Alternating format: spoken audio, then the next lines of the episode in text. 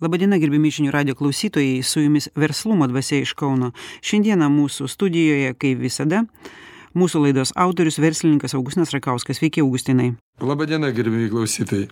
Augustinai, praėjusią laidoje mes kalbėjome apie dvasinių dėsnių veikimą mūsų gyvenime. Ir apie keturias pagrindinės nuostatas - tai išmintis, teisingumas, tikėjimas ir meilė. Pabandykime šiandien pakalbėti apie tai, kaip jaučiasi žmogus gyvendamas šitoje sistemoje, veikiamas įvairiausių jėgų, arba kaip mes vadiname tos globalios dvasios, ir kaip ši globali dvasia verčia žmogų priimti pagrindinę nuostatą, kad žmogus tai yra visas pasaulis. Ypač paskutiniaisiais metais mes pasaulyje patiriame įvairiausių smūgių ir matom, kad nelabai esame pajėgus suprasti, kaip turime elgtis ir kaip turime iš tų smūgių suprasti, kas mus veikia, kokios jėgos mus spaudžia, ką mes turime suprasti e, tarpusavio santykiuose, ką mes darome iš tiesų ne taip. Tarkim, mes nežinome, kaip tiksliai veikia tam tikri gamtos dėsniai, nes juos mes nustatome tik pagal jų veikimo pasiekmes bet matome kaip visuomenės sąmoningumas auga kinta ir kaip tuo pačiu atsiveria vis e, naujesni tų dėsnių veikimo parametrai ir kaip tai veikia mūsų būsenas. Mes matom, kad esame kistatoje visiškai prieš naujus dėsnius. Ir tam, kad e, galėtume juos užčiuopti, tam, kad galėtume jais vadovautis ir gerinti savo gyvenimą mes e, turime tiesiog atrasti kontaktą su ta dvasia, kurios poveikyje nuolatos esame. Žodžiu, mūsų realybė reikalauja visiškai naujų žinių, kad e, tai, ką mes žinojame apie materialų gyvenimą, e, mes matom, kad to mums jau nebeužtenka, kad į pirmąją vietą ateina tokie dvasiniai principai ar nuostatos, kurių užuomazgas mes galime atrasti savo vidinėje būsenoje, e, savo instinktuose. Bet kaip tai sujungti su ta bendra globalia dvasia, e, gal pabandykim šiandien Augustinai apie tai pakalbėti. Kuo giliau gilinuosi į tuos dalykus, tai tuo didesnis sudėtingumas ryškėja. Ir galvoju, kad turbūt neišvengsiu suvokimo jausmo, kad gyveni, gyveni visą gyvenimą mokaisi, mokaisi ir kvailas miršti. Vis tiek, kuo daugiau tų žinių sukaupi, tuo giliau ir aiškiau suvoki, kad nuo tų žinių ir nuo tų aiškinimuose tik padidėjo nežinojimas, nesusigaudimas. Bet mokslininkai jau teigia, jau pripažįsta, kad lastelės prigimtis mums nesuvokiama. Jie daro prielaidą, kad dieviška lastelės prigimtis yra susikaupusią informaciją, va, tą patirtį, reikia atrasti būdą, kaip ją perduoti, nes tik tai šitaip žmogus gali, kaip jūs sakote, tapti tuščias kaip stiklinė ir gali neišgyvento. Žmonės tiesiog nesidomi savimi, kaip jie veikia. Jie nesidomi tokia savoka kaip siela, daugelis net teigia, kad kokia čia siela, jos aplamai nėra. Ir ką jau kalbėti apie sielos dvasę ir iki ko šiandien dienai esu prieėjęs. Ir jeigu mokslininkai pradeda pripažinti ir supranta, kad žmoguje yra kodas dieviškas. Taip, DNR. Tai DNR dieviška dalelytė, kaip sakau, žinai. Ir kad žmoguje yra gyvuliška prigimtis ir žvėries, ir, ir gyvulio, nes mes matom, kada analizuojam ir stebim žmonių veiksmus, jų gyvenimo būdą, kaip jie elgesi vienas su kitu, kokius jie santykius turi, kokius darbus daro, tai mes matom ir labai gerus dvasios apsireiškimus, kuriuos priskirtume dieviškai būsenai ir matom tą velnišką dvasę, kada jie žudo, prievartauja, terrorizuoja, kada vyksta tikrai nežmoniški dalykai. Net mes kai kada sakom, gyvūnai ir tai taip nesielgia. Nes mes turim daug didesnį išradingumo būdą mes turim priemonę mes turim prognozavimą mes turim pramatymą planavimą ko daugelis gyvūnų neturi o mes visa tai turim. Ir mes daug išradingesni kada mes tarnaujam blogiem dalykam ir daug išradingesni kada mes norime skleisti gerus dalykus šitoj vietoj jūs palietėt labai vieną įdomų evoliucijos ciklo aspektą sakydamas kad gyvūnai neturi tokio gebėjimo.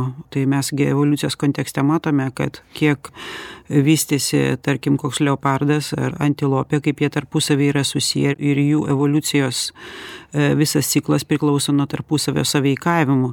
Tiktai jūs įdomų tokį dalyką pastebėjot kad žmogui būdingas toks bruožas tokia prigimtinė savybė kaip egoizmas kuris tarkim jeigu leopardas jisai paėdė jisai antros antilopės nepjaus nes jisai sotus jisai kaitosi ant saulytės ir ta antilopė gali vaikščiot jisai jos nejudins. Bet tarkim žmogus ar ne nukovęs vieną kokį bizoną jisai ima kitą nes galbūt reikės kada nors va tas kitas galbūt reikės man daugiau tas nuolatinis augantis besivystantis jo noras turėti. Čia tas planavimas ir bandymas apsidrausti ateičiai apsirūpyti kad paskui nereiktų dirbt tai jau iš karto užkoduota kad jisai jeigu galima dabar pasiruošti ir kada palankus metas daug prisimedžiot ir paskui ramiai gyvent ir nieko nedaryt turėt daug kailių tuos kailius parduot odos daug turėt vigvamą pasistatyt tai jeigu jis jau turi progą ir gali tai jis paprastai tai naudoja. Paskui prasideda prekyba jis jau odas neša kažkur tai maino į kažkokius kitus dalykus. Tai vat šitų savybių gyvūnai neturi o žmonės turi jie yra kūrybingi. Jie išgalvoja kaip panaudot tą galimybę kurią jie gauna pagal tam tikrą situaciją kada susiklosto tam tikros aplinkybės jie ją stengiasi išnaudot ir jie turi tą pramatymo bruožą ir kaip jūs savo knygoj rašote kad mes pasiekėm dabar tokį ciklą kad žmogaus kūryba tampa jau griovimu ir kenkimu pačiam sau. Ir jam iškyla tas klausimas kaip jūs rašote tada kokia mano gyvenimo esmė? Ir žmogus keldamas šitą klausimą susiduria su kita savo savasties dalimi tai siela kiekvienas žmogus su sąvoka siela jisai susiduria savitu ir savo išsivystymo lygiui charakteringu būdu. Nes kai sako su savo sielos dvasia mes susiduriame labai skirtingose aplinkybėse ir labai skirtingose situacijose. Tai kalbėt apie sielos dvasią kada jinai yra būdinga ir charakteringa kiekvieno žmogaus išsivystymo lygiui yra labai sudėtinga. Tačiau aplamai kalbant apie sielą ir apie jos dvasią tai mes turime labai daug ir labai giliai analizuot labai plačiai apimti visa tai su kuo mes pasaulyje susiduriam su kuo susipažįstam ir labai gilintis į tuos procesinius veiksmus kurie vyksta mumyse mūsų viduje mūsų santykyje jausmo ir mąstymo. Lygiai taip pat santykyje su mum artimais šeimos nariais su kaimynais su darbuotojais su savo valstybės žmonėmis galų gale su visos žmonijos išsivystymo lygiu ir požiūriu. Tai jeigu mes neplečiam savo suvokimo ribų ir nebandom išsiaiškiti nebandome pajausti to ką mes aiškinamės tai mum labai sunku kalbėt apie sielą.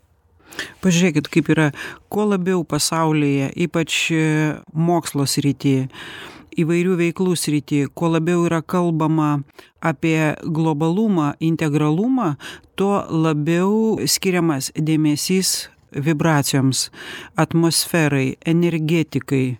Pasaulyje tūkstančiai paskaitų kuriose renkasi mokslo biznio sporto žmonės ir pradeda bendrauti ieš ieškodami sąlyčio taškų ir kalbėdami apie dvasią kodėl taip yra?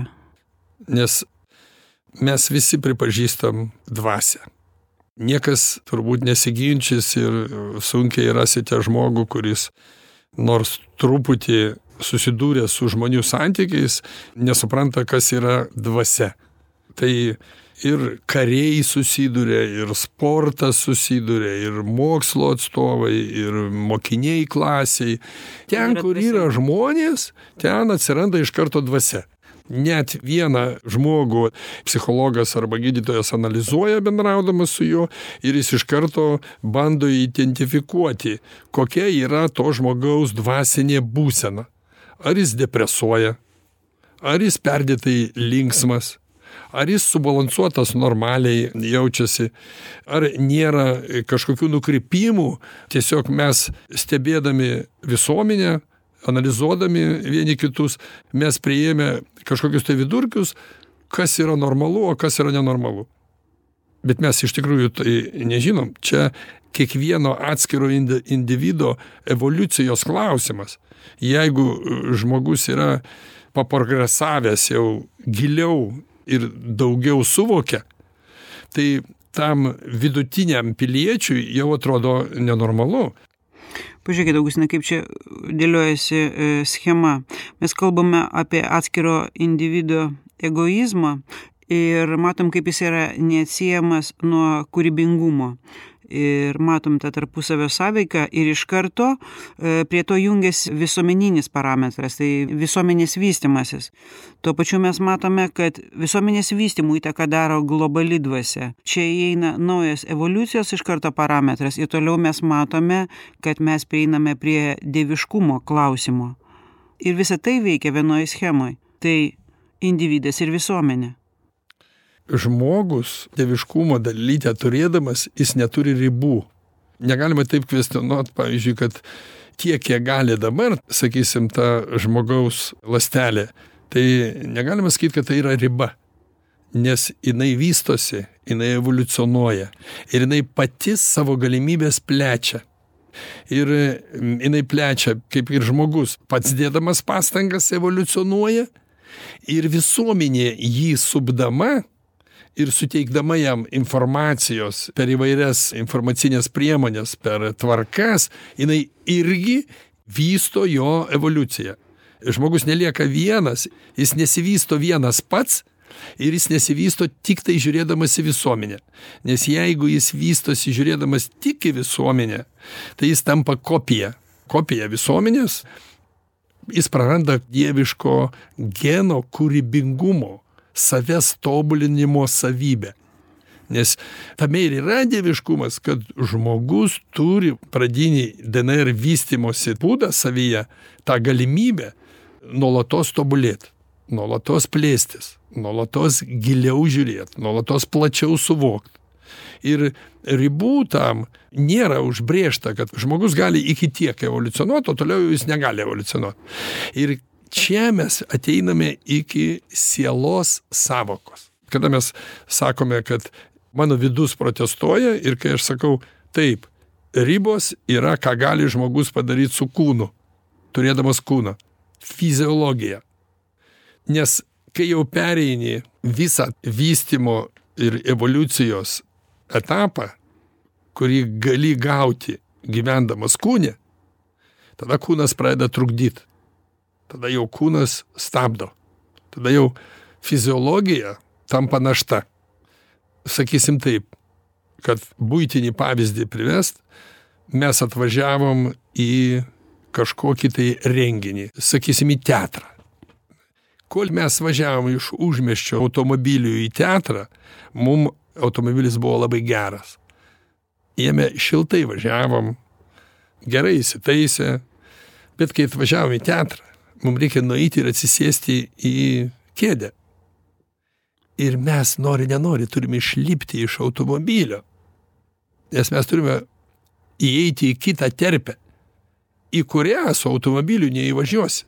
Aplinka, į kurią nori ateiti ir paklausyti e, operos, nėra pritaikyta toks primityvus palyginimas, bet jis ką iliustruoja? Jis iliustruoja, kad viskas mum yra reikalinga iki tam tikro procesinio periodo praėjimo. Kur mes praeinam procesinį periodą, tol mums reikia. Kai jau mes jį praeinam, mes pereinam į kitą lygį. Ir tada jau ne apie kūną kalbam, o apie sielą, apie kitą konsistenciją. Kodėl yra tokie žodžiai Kristaus pasakyti šventose raštuose, kad kaupkite amžinus turtus, nekaupkite laikinų, nes juos reiks palikti. Bet kai mes bandom dvasę sukurti su daiktais, tai mes turime visai kitą rezultatą. Bet jūs e, labai dažnai pasako tokią mintį, kad šiandien visuomenė yra jau tiek subrendusi, kad į klausimus apie sielą jinai jau gali pradėti žiūrėti, prisiliesti prie jų, neatskirdama sielos nuo kūno. Šiandien mes jau galime tą sielą naudotis būdami savo kūnuose ir gauti tą pridėtinę vertę, dėl kurios mes ir atėjome į žemę. Siela veikia visą laiką, bet jinai veikia per anksčiau įgytas, anksčiau suformuotas traukas, kurie perėja ir peraugia į mūsų instinktus. Ir mes tada atėję veikiame instinktyviai ir esame pavaldus savo traukom, savo noram, įgeidžiam savo, mes dažnai net nesuprantam, kurie mumi traukia prie vieno ar prie kito dalyko. Bet tai yra atsinešta iš praeities. Tai yra čia labai gerai ir atspindi tai, kad žmogus pats save kūrė, jisai pats save koduoja, jis pats save programuoja, niekas kitas čia jo nelipdo. Jis turi tą laisvą pasirinkimo teisę. Kiek reaguoti į išorės suteikiamą informaciją ir kiek viduje turint būseną ir traukas, kiek jisai gali daryti išvadas, gilintis ir analizuoti, o kaipgi man dabar elgtis, kam atiduoti prioritetą. Ir čia mes matome dualybės santyki. Tai yra, mes matome, iš ko gimsta trečias, kame yra tas šventos trejybės faktas užfiksuotas visų religinių filosofų, kurie labai aiškiai mato, kaip ir žmogus galvodamas ir jausdamas. E, jūs pradžioj pasakėte tokią mintį, kad viskas, kas vyksta aplinkui, žmogus išgyvena tai per save. E, į žmogų eina informacija. Ir dauguma mūsų visuomenės, kadangi mes gyvenam tose stereotipuose, mes tą informaciją priimame savo reakcijomis. Tai yra savo tais instinktais, kurios, kaip jūs sakėt laidos pradžioj, mes atsinešame ateidami į žemę. Bet mes matome kitą dalyką, kad mumise bunda noras to pažinimo savęs. Tas išsivystimas, ta patirtis, ta vidinė, jinai mums nebeduoda ramybės arba, kaip jūs kalbate, tai yra mūsų suvokimo tam tikras lygis. Ir tai yra ta dalis, kuri priklauso sielai. Taigi mes turime lyg dvi tokias linijas. Kaip čia dabar išvesti, vat, parodyti tą tokį mechanizmą, jeigu tai įmanoma praktiškai, kad žmogus tas reakcijas galėtų panaudoti per savo samoningumą, kiek galima kūrybingiau ir nuolatos dalyvauti sielos dvasios tobulinime. Mes negalime čia apsieiti nesuteikdami tam vadinamam trečiam faktoriui kuris apsireiškia kaip dvasia. Nes jeigu mes nesutelkiam pakankamai dėmesio į tai, o kasgi gimsta iš to, ką aš gaunu iš išorės ir ką aš turiu viduje kaip savo, ir mes turime šitos du šaltinius, bet jie gimdo trečią. Jie gimdo būseną, kuri paskleidžia į išorę tam tikrą dvasę. Naujo suvokimo dvasia, išvadų dvasia, žmogus pasiduoda savo traukom savo instinktam atsiduoda. Pavyzdžiui ignoruodamas nors visuomenėje mato kad nepritaria didžioji dauguma visuomenės pavyzdžiui žiūri skeptiškai arba pesimistiškai bet jam norisi. Jis nenugali traukos ir jis vis tiek eina tuo keliu ir praeidinėja tai ko jis negali teoriškai išgyvent. Jam reikia dar savirealizacijos. Ir jis savirealizaciją pasirenka arba priešingai.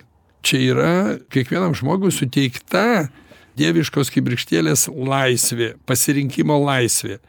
Ir mes nieko negalime pasiekti, jeigu mes prievartą kažką padarom. Jeigu mes paimam ir užblokuojam, neduota žmonėm užblokuoti kitam žmoguje šitų instinktyvių traukų. Auksinai staptelkim prie labai įdomios vietos. Jūsų mintis labai džiuginanti. Mes visi turime tą dieviškumo kibirkštėlę, tą amžiną troškimą kurti savyje naują būseną, kurią gauname per visuomenę tam, kad galėtume toje pačioje visuomenėje tai ir realizuoti vardon bendros dvasios kūrimo. O dabar, gerbimi klausytojai, pertrauka ir susitiksime po pertraukėlės.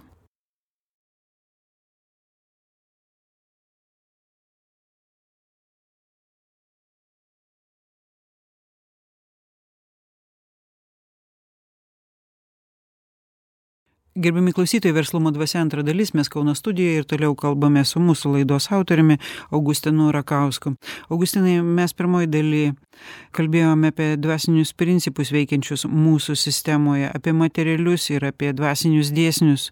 Prisilietėme prie šitos formulės, kaip tarp individuo ir visuomenės užsimesga bendra globali dvasia ir kaip mūsų valioje yra pasirinkti būti tos dvasios kūrėjų. Noriu, kalbėdamas apie dvasios svarbą, prieiti prie savokos meilė. Nes mes kažkaip tai vis praleidžiam šitą savoką ir daugiau kalbam apie technologijas, bet mes apleidžiam meilės dvasios svarbą, reikšmę mūsų gyvenime.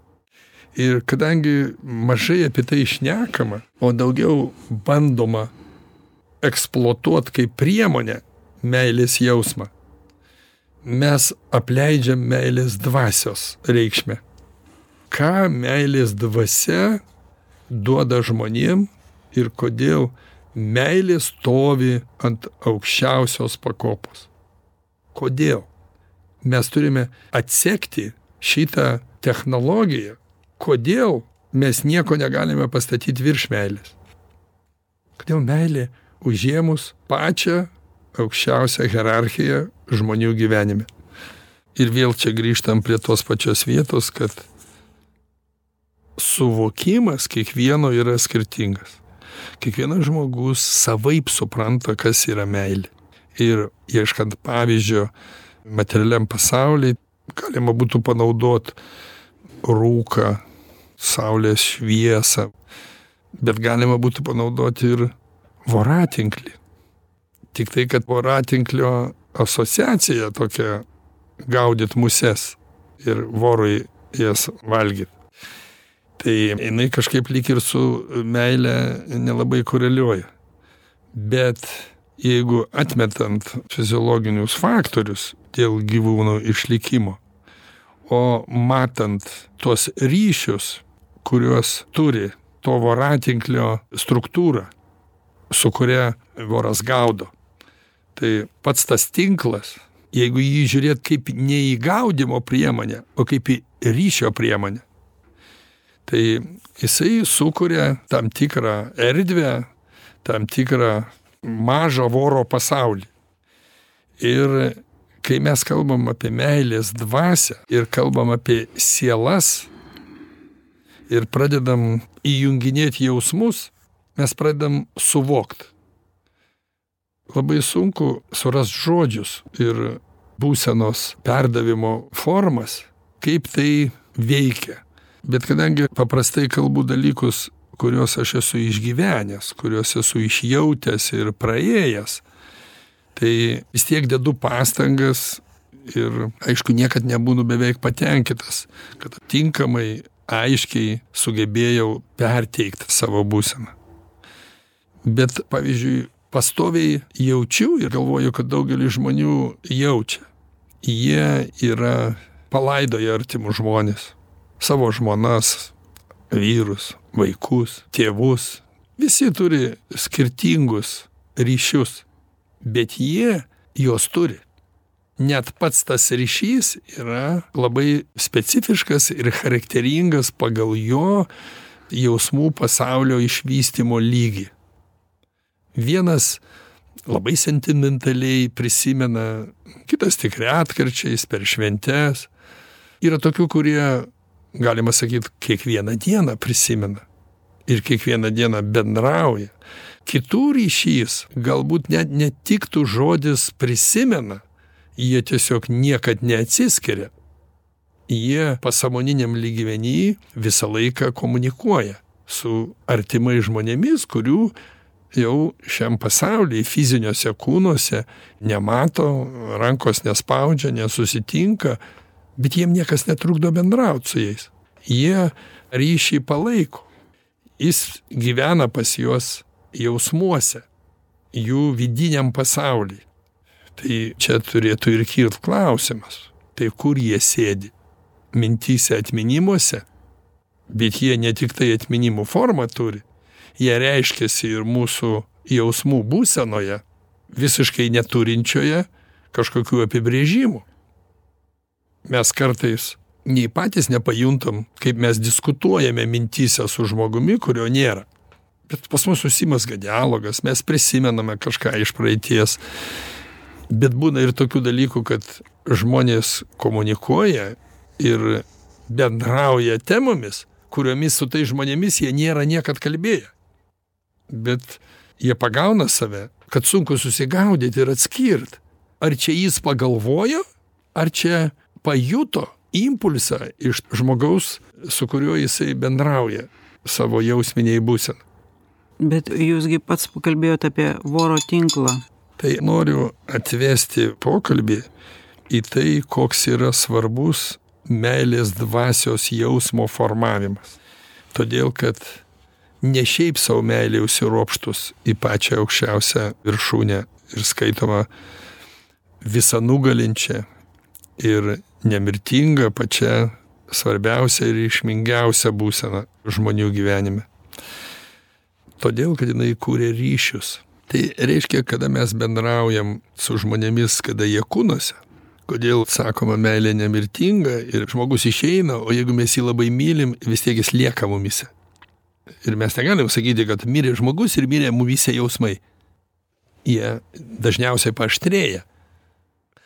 Ir e, čia priklausomai nuo meilės e, laipsnio ir nuo suvokimo kas yra ta meilė. Jeigu buvo fiziologija tai jau po fiziologijos jau žmogus žiūri į kitą subjektą, kuris turi gyvą fiziologiją. Bet jeigu tai yra dvasinė būsena, jeigu mes esam pripildyti to jausmo, tai jis niekur negali dingti. Tai su to voratinkliu ir noriu parodyti, kad tai yra užmėgstas ryšys. Ir tas ryšys, jis nedingsta. Ir kas svarbiausia, kad tie ryšiai išlieka ir nuo jų labai priklauso mūsų ateitis. Labai priklauso mūsų vaikų ateitis ir tėvų ateitis. Nes būtent tas pripildytas ryšys, jis yra nemirtingumo gyja, kuri eina iš kartos į kartą. Eina per vaikus, per anūkus, per vaikų vaikus, per senelius, prosenelius, proprosenelius. Ir todėl meilė ir stovi aukščiausioje hierarchijoje kad jinai turi technologinę galimybę pripildant sielą meilę gyvuot amžinai. Tai tikriausiai vienintelė Perteikinėt savoka, kuri veikia ir materialiam, ir dvasiniam taip, parametruose. Čia ir sakoma, kaip dangui, taip ir žemė. Tai iš kur išplaukia tas posakis, kaip danguje, taip ir žemė ir kodėl visi žmonės, kurie yra samoningi, suvokiantys, jie, kaip sako, linki pačio geriausio, tai jie pirmiausia linki meilės. Nes visi, jeigu ir nesupranta, tai jie jaučia, koks yra svarbus meilės faktorius. Kaip veikia čia dėsnis? tai jeigu manyje nėra tokio požiūrio išugdyto jeigu aš tai negavau iš tėvų arba mano aplinkoj neegzistuoja toks požiūris kad meilės jausmas gali užgimti tik tokioj aplinkoj kada aš jungiu savo dabartinį gyvenimą aš jungiu savo tarkim senelių gyvenimą aš jungiu savo vaikų ir iš to mes kuriame bendrą dvasią kuri koreliuos su visuomenės su viso pasaulio dvasia ir kaip jūs sakėt šitas tinklas jis bus nuolatos kuriamas ir bus pripildomas vis naujesniais ryšiais kurių mes, kaip jūs pats pademonstravot, tu gali juos pajaust, bet išsakyti dar žodžiai jie nesuformavę, nes turi veikti čia ir vaikai, ir vaikų vaikai, turi visi prisidėti prie šitos kūrybos. Bet mes tą darom dažniausiai nesamoningai, labai sumaišę su fiziologija, bet mes jau matom tuos nelaimingus žmonės ir matom tas pasiekmes, kuom jos baigėsi, kada tėvai apleidžia vaikus arba vaikai apleidžia tėvus ir mes matome, kaip jaučiasi nelaimingi vaikai, kada jie neturi kontakto su tėvais ir kaip jaučiasi tėvai nelaimingi, kaip jie ieško vaikų ir kaip jie džiaugiasi, kokie būna jausmai ir kaip dažnai mes matom, žurnalistai daro laidas, kviečia žmonės, jungia juos, padeda jiems surasti vienas kitą. Ir mes tada matome, kokios emocijos, kokie ašarojimai, koks būna euforijos jausmas, kad jie susijungia su artimom kraujo ryšį turinčiom sielom tada jau fiziologijos nė vienas ten nežiūri ar tu storas ar tu plonas jie džiaugiasi kad rado seserį arba rado brolį Bet ką aš girdžiu iš jūsų išsakytos šitos minties, taip išeina, kad mus veikia šitos darbus daryti, tokius organizuoti, netgi ir labai versliškas tokias laidas, tarkim, televizijos. E, iš tikrųjų, aukštesnis kažkoks ligmuo, aukštesnė, nežinau, dvasia, jėga, kuri mus veda visus prie to suvokimo. Čia kaip ir visur yra fizinis lygmuo ir yra dvasinis lygmuo. Ir mes čia galime išvelgti ir manipuliavimą, ir verslo darimą, ir populiarumo kūrimą, pavyzdžiui, tos medijos priemonės. Niekad nebūna vienašališkai. Viskas susideda iš juodo ir balto. Ir labai retai būna, kad, sakysim, net jeigu yra tik šviesa, tai yra dar didesnė šviesa ir vis tiek po šviesos ateina tamsa. Bet e, jūs dar vieną grįžtant e, prie meilės, kaip aukščiausio, jūs pasakėte, hierarchijos ligmens, juk nebereikalo yra pasakyta, kad e, nėra labiau išmintingo už patyrusi.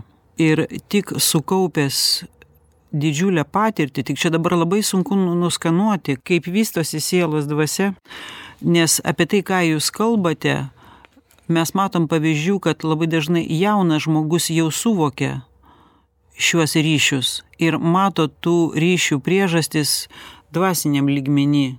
Ir jisai ieško kelių, bando suvesti, surasti, prasminti tą savo gyvenimą ir panašiai. Labai dažnai tie, tos ieškojimus paskatina žmogaus skausmas, noras, tas didžiulis noras, kuris kyla iš neturėjimo. Kada žmogus yra sotus, kaip e, jūs labai dažnai kalbate, ypač apie šiandieninį jaunimą, kada jisai pilnas tų visų vienadienių malonumų ir jam jis, jis nespėja dar sugalvot, ko jis nori, o jam jau siūlo. Ir tada galima pasakyti, šitaip jie atitolina nuo to esminio klausimo kelimo, ką aš čia darau ir apskritai. Bet tai irgi e, pagal evoliucijos planą, nes, kaip jūs nekartą sakėte, evoliucija neklysta kiekvienas mes atsiduriam toj vietoj kurioj mes turim būt ir veikiame tuo laiku kuriuo būtent turime veikti. Ir kartais mum labai keistai atrodo kad kodėl būtent dabar čia įvyko kodėl taip atsitiko. Bet deja kad tarkim jūs savo knygoj dabar keliate tą klausimą tos globalios meilės klausimą. Tai juk tarkim prieš dvidešim trisdešimt metų jumyse esminių klausimų buvo tai verslas, santykių kūrimas, ryšių kūrimas, kaip organizuoti, kaip struktūrizuoti, tam, kad jūs galėtumėte sukaupti. Be abejo, netaip lengva e, suvokti gyvenimo esmę. Norint ją suvokti, reikia labai daug išgyventi. Ir ar norim to, ar nenorim, bet vis tiek mums reikia patirti tam tikrus išgyvenimus, kurie mums sukelia ir labai skausmingus išgyvenimus, labai skausmingas būsenas. Ir tas skausmingas būsenas mes irgi gauname iš asmenų, mes gauname iš visuomenės požiūrio. Ir mane džiugina tai, kad visuomenė pradeda atsirinkinėti Ir šiandieną jau vienam asmeniui suformuoti nuomonę apie kitą asmenį darosi vis sunkiau ir sunkiau. Nes ką tai rodo? Rodo, kad visuomenė pati daro išvadas. Jis pati analizuoja, pati stebi ir jinai pati prieina tam tikros išvados. Aptinku tokių reiškinių jau šiandieną, pavyzdžiui, pavieniai žmonės, norintys suvest sąskaitas su jiem nepatinkančiais žmonėmis arba, kaip sako, pasipelnyti iš žmogaus gyvenimo patirties, iš jo klaidų ar iš kažkokių tai tragedijų, jau šiandieną darosi sudėtinga. Nes manau, kad neužkalnų ta diena, kada žmonės suvoks ir išmoks pagal švento rašto teiginį pelus skirt nuo grūdų jie labai greit atskirs ir atsisijos, kas čia daro verslą, kas čia ieško kažkokio asmeninio populiarumo arba tiesiog nori e, su kažkuo tai suvės sąskaitas. Tai manau, kad visuomenės samoningėjimo laipsnį rodo tokie dalykai, kad visuomenė tampa atsparesnė, jinai bręsta ir jinai pati susiformuoja nuomonę o jums neatrodo kad viena iš priežasčių šito kad visuomenė pradeda jau atsirinkti yra ta kad kažkas tai vyksta su laiku kad e, laikas tarp priežasčių ir pasekmių susitraukia kad visuomenė labai greitai pamato pasekmes tų veiksmų kuriuos kažkokia tai personalija ar kažkokia organizacija atliko ar panašiai negali būt kad e, tiesiog žmonių sąmonės lygis geba plačiau ir giliau žvelgti į bet kokią informaciją arba į bet kokį teiginį, kurį kažkas pateikinėja. Jau taip nepasiduoda aklai, kaip pradžioj, pavyzdžiui, prieš 30 metų. Tai užteko bet ką parašyti kažkokiam žurnalistui ir viskas, visi, kaip tos močiutės sakydavo, iš kur tu žinai, kad taip yra, ašgi skaičiau laikraštį ir rašo atrodo, kad tenai Dievas nusileido ir tikrą tiesą parašė. Aš kalbėjau su mūsų viena laidos klausytoja ir jinai sako, jūs pasakykit, kas pasikeitė mūsų gyvenime. Tarkim, man buvo 30 metų, mes lakstydavom, džiaugdavomės, juokdavomės, tas gyvenimas toks gražus ir visas atrodė su ta perspektyva. Dabar sako, jauni 30 mečiai, jie susėda ir kalba, aš jau turiu mašiną aš jau turiu pusę namo ką tu turi visas gerumas pasitenkinimas apsiriboja kiek aš turiu arba ko aš neturiu noriu pasakyt kad kaip skiriasi pasitenkinimo lygmuo nuo to kaip buvo ir to kaip yra. Ir pagaliau jeigu žmonės džiaugiasi tuo kad jie yra jie dabar džiaugiasi tuo ką jie turi. Jau būti mums per mažai. Mes norime kad mums už tą buvimą mokėtų arba mes gautume dividendus dar kažką žmonės kurie kalba apie daiktus ir šitaip įprasmina save iš tiesų jie tiems daiktams suteikdami prasmę jie kalba apie dvasią vis tiek jie kalba apie dvasią nes ta būsena kurią jiems skleidžia jų pasitenkinimas savimi situacija tai atspindi tam tikrą mūsų globalios dvasios lygį be abejo kad kaip ir mes pradžioj pokalbio kalbėjom ar tai būtų pagyra ar tai būtų pyktis ar tai būtų apmaudas vis tiek jisai skleidžia savo dvasią. Jeigu pyktis tai pykčio dvasia jeigu apmaudas apmaudo dvasia ir lygiai taip pat su daiktų kūryba.